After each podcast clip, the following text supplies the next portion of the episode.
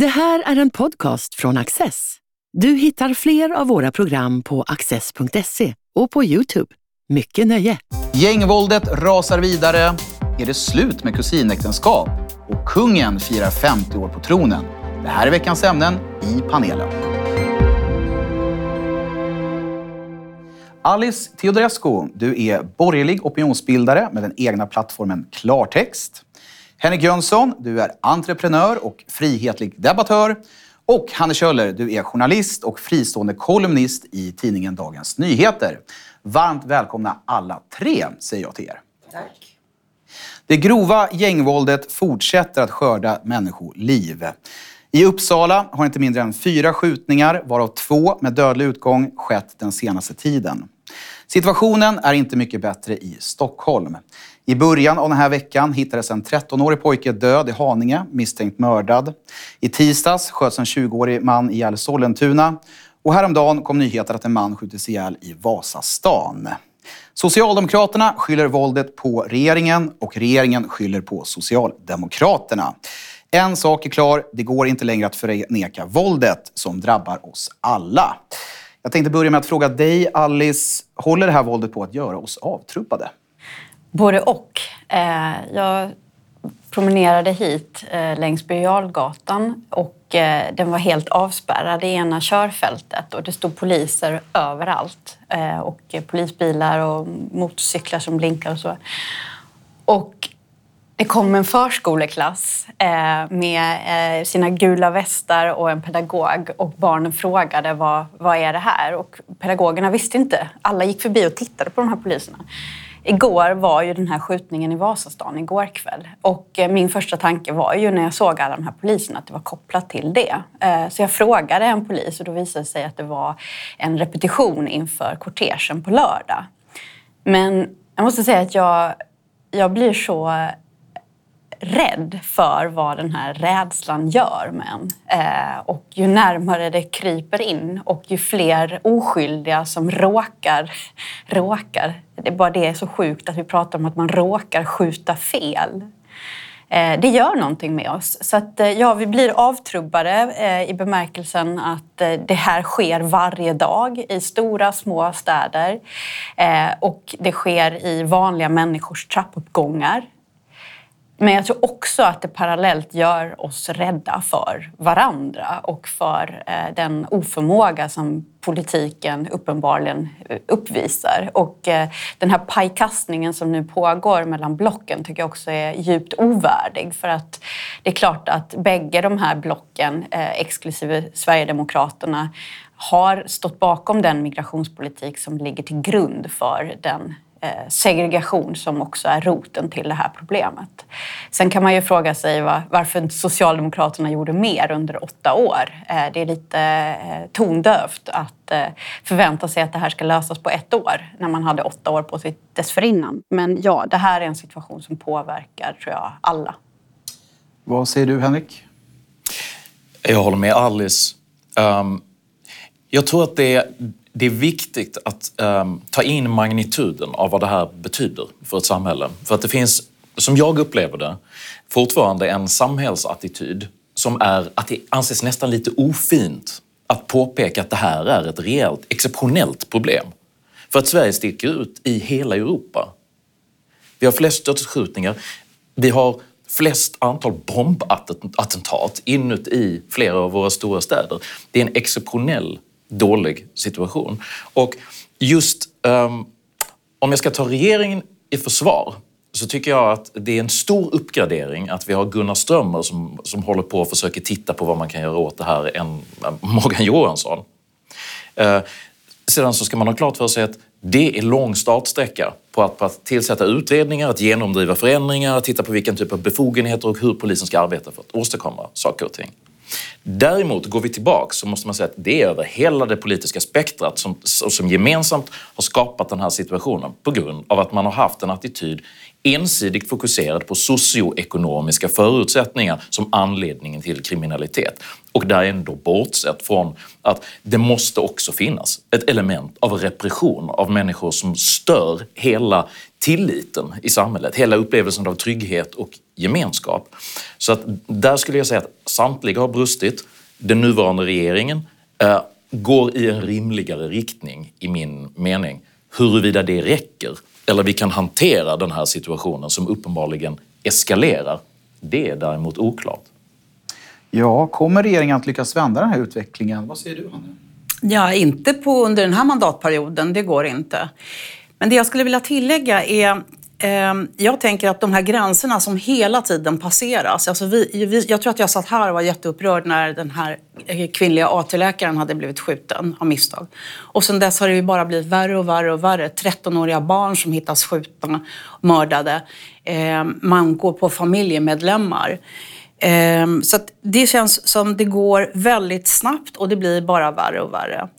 Jag såg igår på eh, SVTs produktion av Politikbyrån och som då tog upp de, de, här gängkrigen i El Salvador som jag måste säga så att jag kände inte till att det var så illa där som det var. Men där beskrev de ju hur, hur det var två rivaliserande gäng som successivt har byggt upp sina positioner så till den grad att de kontrollerar hela kvarter eller områden. De bestämmer vilka som får gå in och ut i områden. De kontrollerar bussar. Skolbarn som går till skolan måste nästan liksom bekänna sig lojala med ett av gängen för att annars får de inte skydd när de går igenom ett kvarter eh, för att liksom komma till sin skola. Eh, och det fanns i princip, hela näringslivet var dött för, för att de här gängen kom och ville ha pengar. Så det fanns liksom ingen som ville starta en affärsverksamhet. Människor gick inte ut på kvällarna. Och det kan ju då tyckas som eh, liksom utopiskt, ja men där är vi ju inte. Men jag känner så här, jag är verkligen ingen pessimist i vanliga fall och jag är ingen domedagsprofet. Men jag tycker att det som händer nu, det hade jag inte kunnat föreställa mig för ett par år sedan. Eh, så att jag känner så här, är det osannolikt att det är i den riktningen vi är på väg? Och jag tror att det var eh, Johanna Lernby som skrev den här boken om eh, familjen som också berättade om områden i Göteborg där man införde sådana här inpasseringsregler och man sa att du får inte komma in och sådär. Och, och man liksom lät det hållas från polisens sida. Man har låtit det hållas att de har haft, eh, tagit hela källarförråd i beslag och ah, förvarat knark och vapen där. Därför att man har liksom inte velat bråka om det och det är ju ändå viktigare saker som händer. Medan det här med nolltolerans som är ett ord som jag hatar och nollvision som jag hatar därför att en del skit får vi leva med i vårt samhälle. Men här tycker jag någonstans att det här är en maktdemonstration och det är ett totalt parallellsamhälle och, och eh, därför så tror jag att eh, alltså den här jag ska inte säga att vi kommer bli som El Salvador var 2015, men jag säger så här, det är åt det hållet vi går. Och bara för 17 stoppa det medans tid är. Och då kommer vi, vanliga människor eller vad jag ska säga, vi kommer få betala i form av integritetsinkränkningar i någon form. Men jag är i alla fall beredd att betala det priset för att inte hamna där. Vi ska släppa in Henrik och sen Alice. Ja, alltså en sak som vi måste adressera, det är att polisen återkommande verkar tillämpa en strategi där man ska backa undan. Det här till exempel i Malmö när de hade kravaller i samband med ännu en av de här koranbränningarna. Då var alltså polisens kommunicerade strategi att vi ska inte provocera upprorsmakarna utan vi låter dem tända, jag tror det var fyra eller fem bilar de tände eld på i Rosengård. Och de ställde till en massa oreda och var hotfulla. Men det var också en stor folksamling där som tittade på men som inte deltog. Och polisen kommunicerade att vi vill inte riskera att uppvigla eh, som kan skapa en ohanterbar situation. Och det här, signalen som den strategin sänder, det är att våld fungerar. Ett, ett, ett, privat våldskapital hos kriminella gör att polisen backar undan för att låta dem hållas. Och jag vill adressera en sak till som, som du var inne på lite grann här med att du sa att man, du, du, inte hade kunnat föreställa dig att det blev på det här sättet. Kom, om ni kommer ihåg när Stefan Löfven satt, jag tror det var i Agenda eller så, på SVT och sa att vi såg det inte komma och Anders Holmberg går på honom många gånger och han säger vi såg det inte komma, vi såg det inte komma. Detta är inte sant.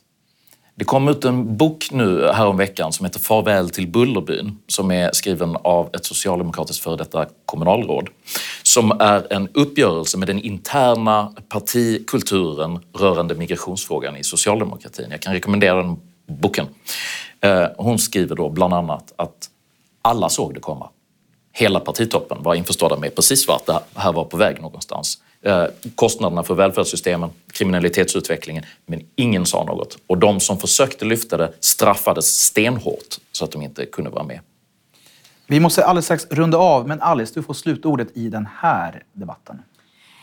Nej, men det ni pratar om, eh, den här rädslan och eh, idén om att man inte ska eskalera en konfliktsituation, det som polisen då tillämpar, det är ju den strategi som hela samhället har tillämpat i relation till integrationsfrågan. Egentligen från det att migrationen skiftade karaktär från att ha varit arbetskraftsinvandring till att bli flykting och anhöriginvandring.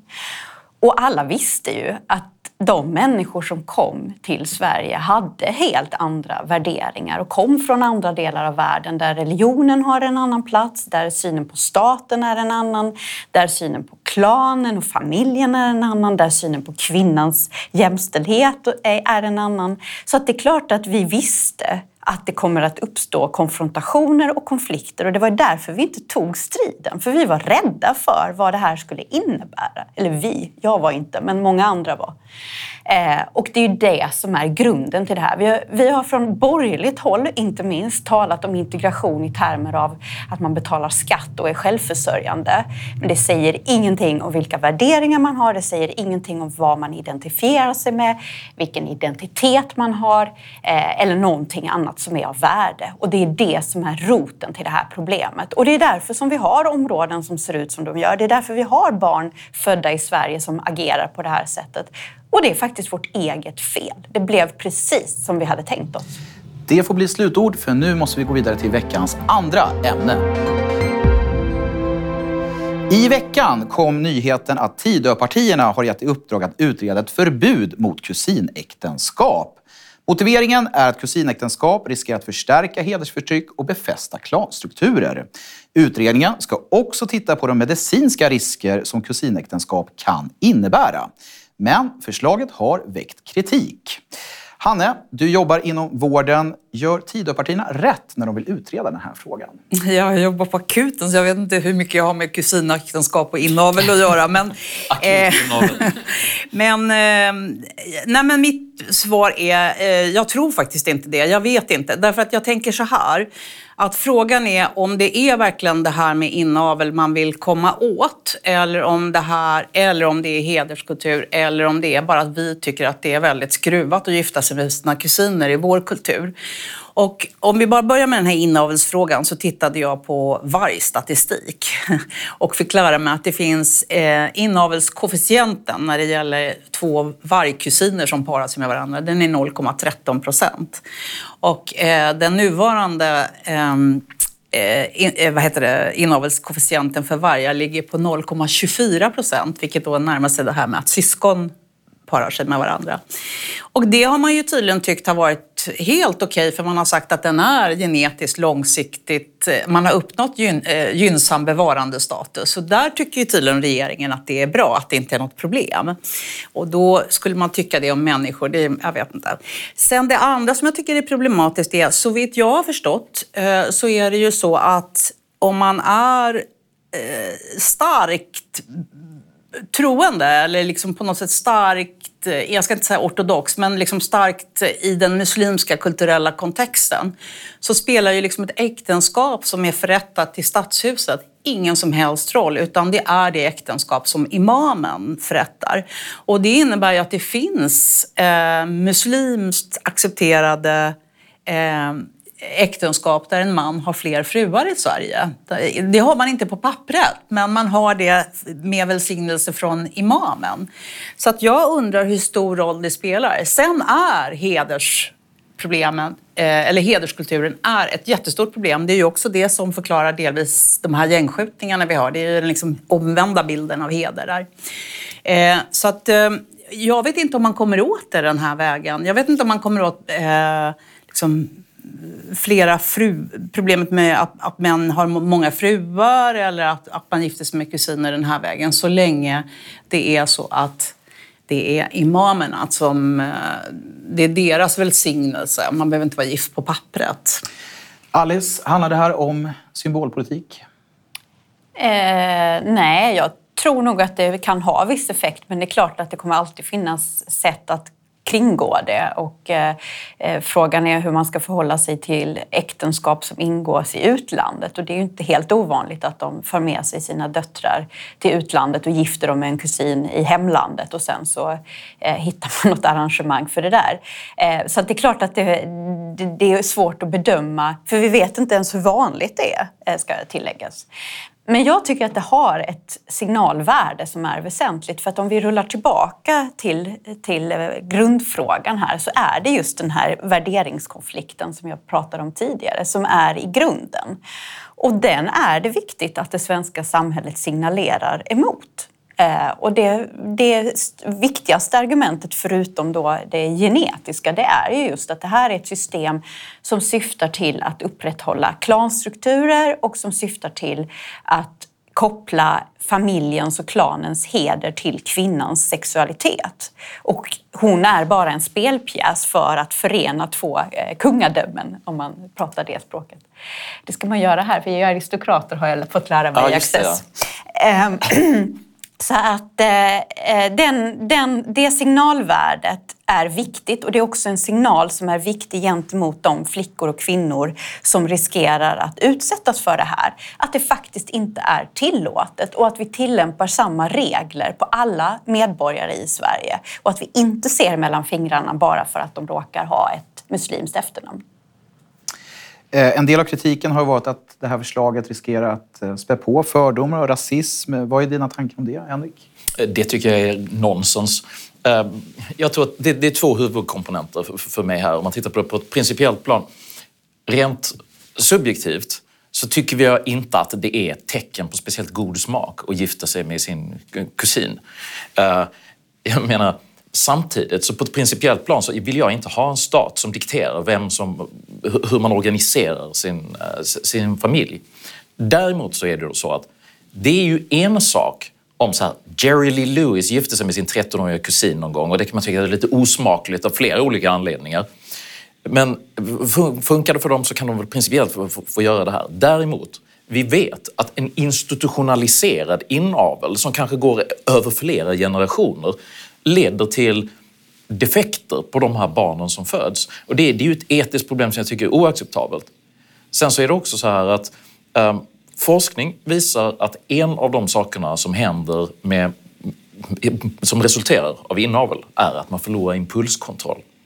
Och att vi har ett, ett, ett liksom eskalerande vålds och kriminalitetsproblem eh, går inte heller att bortse från att det mycket väl kan ha att göra med om man i generationer håller på och gifter sig med sina kusiner så får det konsekvenser för hur de här personerna kommer att må när de växer upp. Så ur det perspektivet, givet det vi precis pratade om med kriminalitetssituationen, det är nog en god idé att bromsa det här om folk håller på med det i stor skala. Men frågan är ju om man kan bromsa det. Det är det som är min invändning. Ehm, just i och med att det inte vad ska jag säga, de, det civilrättsliga eh, äktenskapet i Sverige har någon legitimitet mm. i det muslimska samhället. Så jag undrar dels det. Och sen så kan man säga så om vi ska prata om genetiska eh, ambitioner så är ju det bästa, det är ju för oss att liksom avla barn med någon på andra sidan jordklotet. Vi borde ju inte liksom avla med andra som bor i Sverige utan det bästa är ju att mixa så mycket som möjligt så att säga. Och det säger vi inte att vi vill införa någon lag som säger att vi måste gifta oss med en eh, chilenare eller kines eller... Vad tänker Alice? Nej, men jag tänker att det är intressant att du säger det för att ett tecken på hur väl integrationen funkar i ett mångkulturellt samhälle är ju huruvida man också gifter sig med människor från andra kulturer. Och de eh, muslimer i det här fallet som vi pratar om, som gifter sig med etniska svenskar, de är ju oftast väldigt integrerade. Eh, så att det där är också intressant hur man använder äktenskapet, det arrangerade äktenskapet som ett sätt att segregera sig och att stanna kvar i, eh, i en mental bild av att man lever någon annanstans än vad man faktiskt gör. Sen, sen vill inte jag lägga mig i vem som gifter sig med vem, men, men det är ändå intressant att, att eh, både förbudet inom familjen att Eh, att ha en svensk pojkvän som har varit fallet i många av de här hedersmorden, eh, där också ett kusingifte har varit det som man har sett framför sig, just också har varit kopplat till familjer som lever otroligt segregerade liv och eh, är väldigt bokstavstroende. Men då kanske också i de familjerna kanske det också är så att man slår sina barn ganska mycket. Ja, att det finns, man låser in flickor får inte gå ut på kvällarna. Att det finns en rad andra sådana saker. Och jag tycker naturligtvis att det är bra med lagar som säger att man inte får slå sina barn och de här lagarna. Men jag tror att om vi verkligen ska komma åt det, då måste vi få ett attitydskifte bland de som tillämpar den här hederskulturen. Det, det är liksom lite mer så jag menar att... Mm. Jag säger inte att det är fel att uh, lagstifta, men jag tror att ska det bli någon vändning så måste det liksom bli en vändning i människors medvetande och det kanske tar tre generationer. Och så var det ju med barnagan i mm. Sverige också. Mm. När den lagen väl infördes då var det ju redan en attitydförändring hos människor mm. som gjorde att det var, inget, det var ingen stor sak på det sättet. Nej, lagstiftningen hade Kom nästan släpat efter. efter. Exakt, ja, precis. Exakt. Så få, attityden så hade gått före. Och det, det, det, är ju en kulturfråga så tillvida. Jag, jag kommer att tänka på nu att tidigare, jag tror för kanske ett år sedan ungefär, så gjorde eh, Eh, det miljöpartistiska språkröret Märta Stenevi, hon gjorde någon slags turné och var ute och, och eh, träffade invandrarkvinnor ute i förorten. Och det skrevs ett reportage i samband med detta där hon vid ett tillfälle står och funderar lite högt och då säger att på något sätt måste vi kanske nå fram till de här kvinnorna med råd om familjeplanering. För att de har då ofta väldigt stora familjer. Och det hade ju varit helt otänkbart om, om till exempel jag hade sagt en sån sak så hade jag nog blivit garotterad då på grund av att det implicerar att jag på något sätt det ska, som man bemäktig med över eh, kvinnlig sexualitet. Men också att man problematiserar då familjebildning på något sätt. Men det finns en kulturell komponent här som är betydelsefull och Märta Stenevi har för en gångs skull faktiskt alldeles rätt. Eh, och det är ju att det blir ett kunskapsproblem. För att de här kvinnorna som är gravida hela tiden lär sig inte några yrken, lär sig inte hur Sverige fungerar. Och, nej, de blir fjättrade i den här situationen. Och så jättestora barnkullar. Eh, så, det är ett sammansatt och stort problem. Men, men, min personliga åsikt är att vi måste um, ympa in våra kulturella värden så att de här människorna kan bli en del av samhället och öka sin kompetens. Men det tror jag man gör mest Slutord, genom frivillighet, vill jag säga. Och sen bara det här att vi har en lagstiftning som premierar många barn. Vi har ett flerbarnstillägg som är totalt förlegat, mm. som alltså premierar kvinnor som får upp till sex barn. Galet. Och där får vi dra streck i det ämnet, för nu ska vi prata om kungahuset. Länge leve konungen! Sveriges kung Carl XVI Gustaf firar 50 år på tronen i år och firandet det har pågått i olika former sedan årets början. Men i helgen kulminerar festligheterna här i Stockholm med middag på slottet och kortege genom huvudstaden.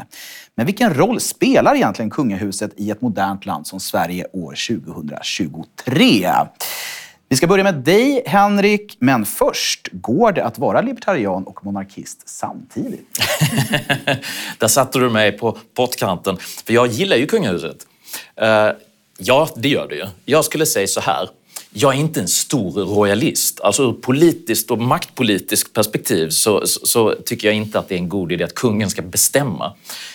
Däremot så tycker jag om och vill förvalta svensk kulturhistoria. Och kungahuset är en viktig och fin kulturhistorisk tradition som jag tycker det är mycket väl investerade pengar att behålla. Dessutom så, vår kung är mycket sympatisk. Eh, jag uppskattar deras estetik och jag tror faktiskt också, för att knyta an till våra tidigare ämnen, att just i tider som dessa, som präglas av instabilitet, eh, osäkerhet, våld och rädsla, är de etablerade kulturinstitutionerna viktiga som samlingspunkter för människor. Så därav tycker jag att eh, mina varmaste gratulationer till Hans Majestät och eh, jag är, är, helt säker på att vi kommer att ha ett, ett fantastiskt kungahus i 50 år till. Alice?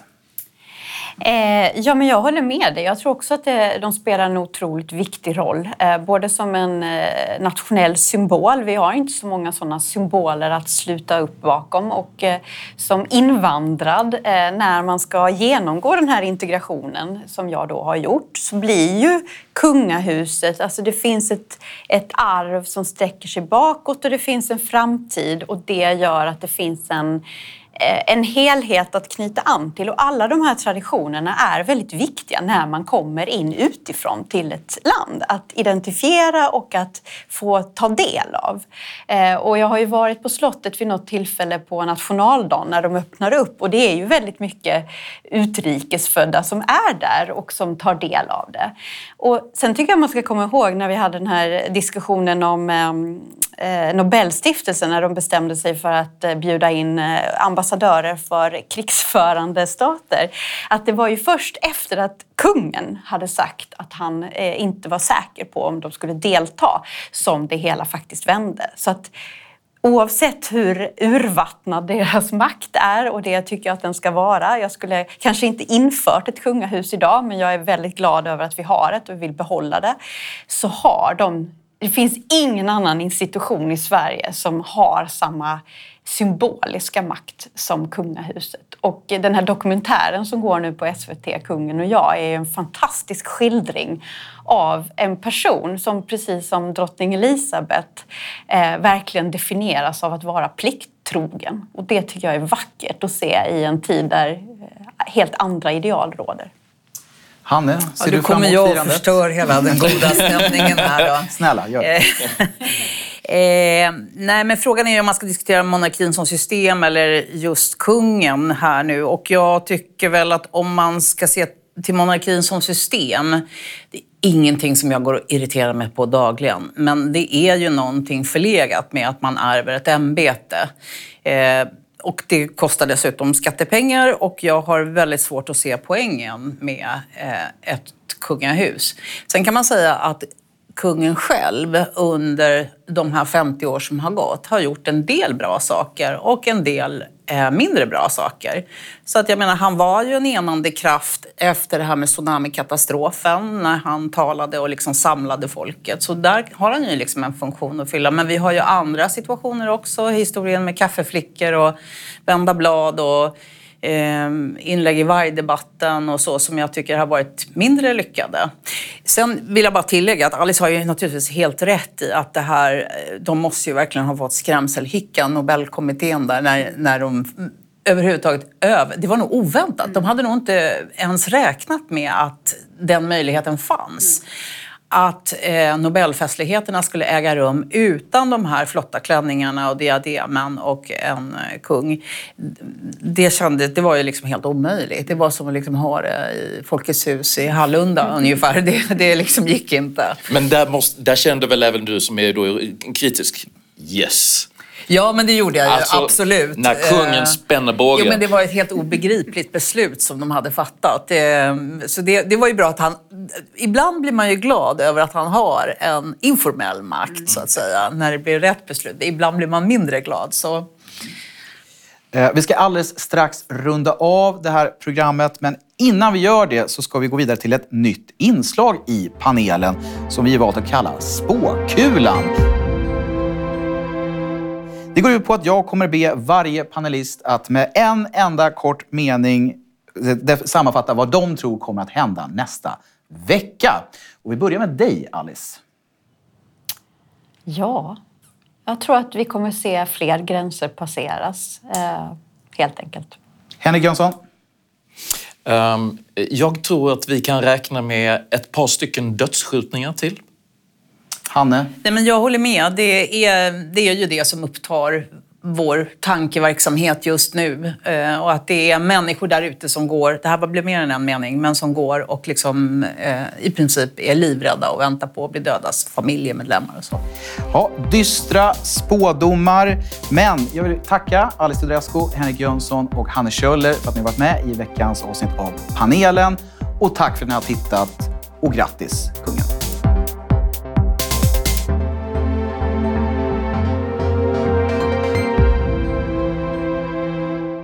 Du har just lyssnat på en podcast från Access. Du vet väl att vi också är en tv-kanal och tidning? Teckna en prenumeration idag på access.se.